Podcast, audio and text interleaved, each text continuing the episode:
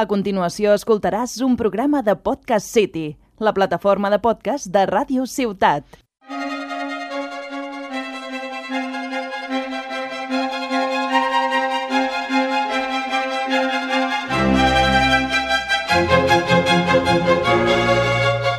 Entrevista a la vista amb Conrad Hortolà.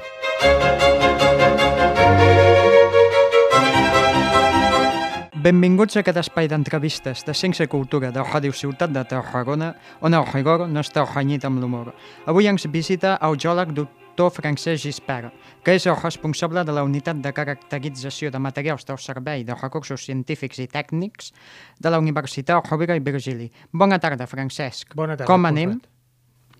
Uh, així m'agrada. Com sempre, ens pots dir quina peça música clàssica has triat? I també per a què? He triat la peça musical del Cant dels Ocells, que és una cançó popular catalana, interpretada per en Pau Casals a les Nacions... No, a les Nacions Unides no. Aquesta és a la Casa Blanca, el 1961, davant d'en John Fitzgerald Kennedy. I per què l'has triat? Per tot el que significa tant Pau Casals com aquesta cançó. És una cançó popular catalana, molt antiga, que se li ha posat lletra, i Pau Casals la va fer servir durant molts anys, que va estar a l'exili, desgraciadament, com a símbol de pau i de llibertat i de reconciliació. I durant el seu exili doncs, la va interpretar sempre que anava a qualsevol concert l'interpretava i en aquest cas doncs, en John Fitzgerald Kennedy el va convidar a la Casa Blanca per lliurar-li una medalla, llavors ell va interpretar, entre altres peces, aquesta, com sempre feia. Entesos. Uh, com va arribar la teva vinculació al Servei de Recursos Científics i Tècnics de la Universitat Rovira i Virgili? Uh, jo sóc geòleg, llavors estava acabant, ja havia acabat la carrera, estava acabant el doctorat a Barcelona en cristal·lografia i se'm va oferir la possibilitat de portar els equips de difracció de raigs X de la Universitat Rovira i Virgili, que recent formada en ell llavors, i no m'ho vaig pensar dues vegades degut al mercat laboral com estava, estava bastant malament, ja llavors ja era pitjor, i llavors doncs, vaig agafar els trastos i me'n vaig anar cap a Tarragona a treballar d'allò que estava estudiant durant el doctorat, vull dir, millor impossible. Fantàstic. Uh, tu et dediques a caracteritzar materials. Per a què serveix aquesta tècnica? Uh, caracteritzar materials uh, implica saber exactament de què estan, com estan combinats els àtoms en la matèria sòlida. Pues, per exemple, en un tros de metall ens interessa saber doncs, els àtoms si estan combinats formant una, un tipus de, de, de ser o un, o un ferro dolç, o etc. O, per exemple, en el ciment, doncs, sabent quines fases minerals hi ha, en un carbonat càlcic, quin tipus és, etc. Tot el que és matèria sòlida intentem eh, analitzar-ho per aquesta tècnica i esbrinar com està. Ok, uh, la tècnica que tu empres és la difracció de raigs X. Mm, Com funciona aquesta tècnica? Uh, bueno, és bastant complex d'explicar així breument, però intentem explicar-ho que és un feix de rajos X que no veiem perquè és una llum que no, no és de, de l'espectre visible i llavors a l'interactuar amb la matèria cristal·lina els rajos X són difosos en diferents direccions depenent de les fases cristal·lines que estan presents. Llavors es, fe, es crea com una empremta digital que comparant-ho amb una base de dades ens permet interpretar de què està feta la matèria sòlida. Comprenc. Uh, ja que treballes tant amb rajos X, degut a la radiació de nit et veus de color verd? No, no, per sort no. És radiació, que és, són, és uh, radiació ionitzant, però quan se tanca la font, doncs deix d'emetre. No és radiació radioactiva que continuaria llavors sí que podria ser fluorescent per la nit, però no és el meu cas, per sort. Ah, així millor. Uh, quines aplicacions pràctiques té?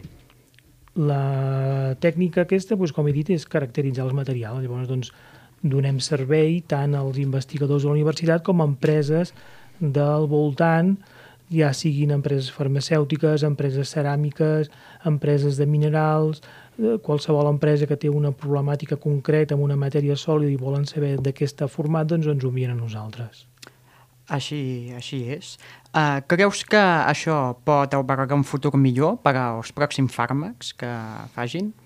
Pels fàrmacs, sí. De fet, les empreses farmacèutiques estan incorporant cada vegada més aquesta tècnica en el seu procés de control de qualitat perquè hi ha una problemàtica que és el polimorfisme, que fins ara no s'hi prestava prou atenció i ara eh, cada vegada més.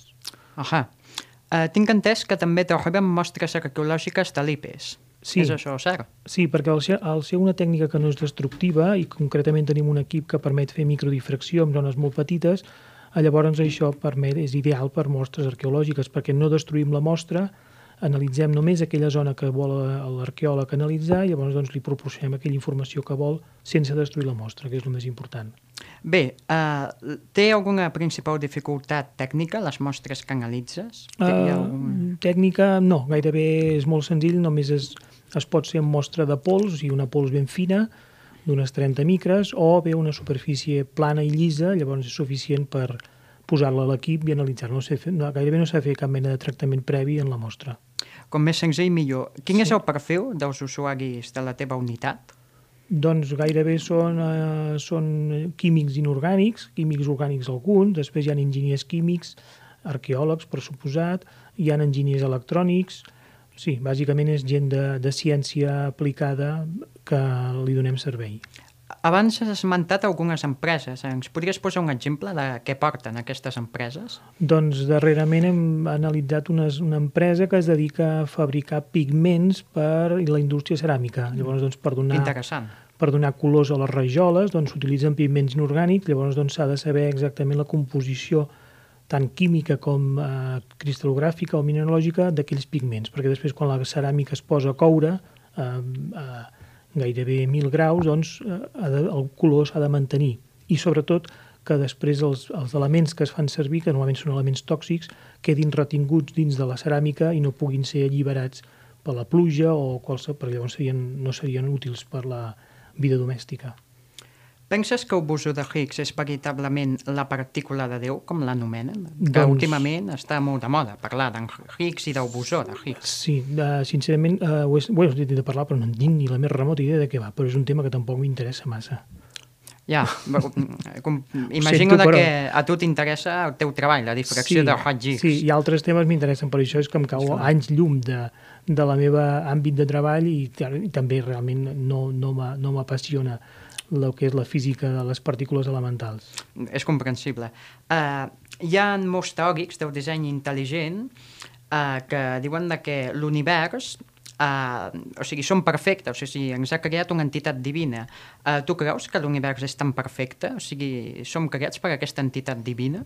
Uh, bueno, no sé si ha estat creat per una entitat divina, però vaja, uh, nosaltres amb les nostres manetes seríem incapaços de fer tot això.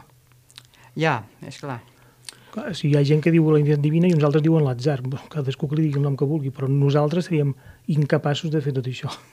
Ja, és clar, e- e- és molt complicat, sobretot si tenim en compte que portem molts anys i hauria sigut hauria sigut molta sort, molt atzar, de que ho haguéssim pogut fer tot sense ajuda d'algun en. Sí, sí, sí, dieu-li el nom que vulgueu. Sí.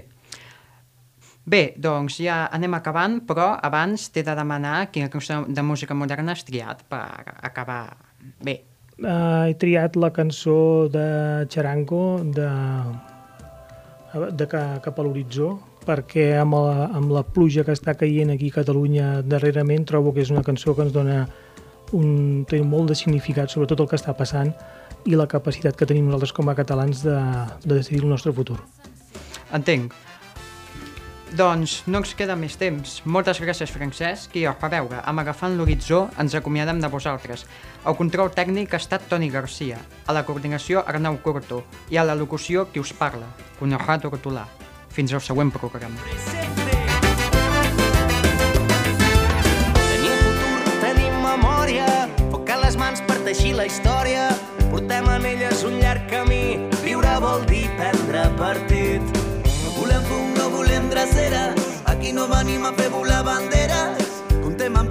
no pots fallar, un dia u per tornar a començar. Gent de mar, de rius i de muntanyes, ho tindrem tot i es parlarà de vida. Has escoltat un programa de Podcast City, la plataforma de podcast de Ràdio Ciutat.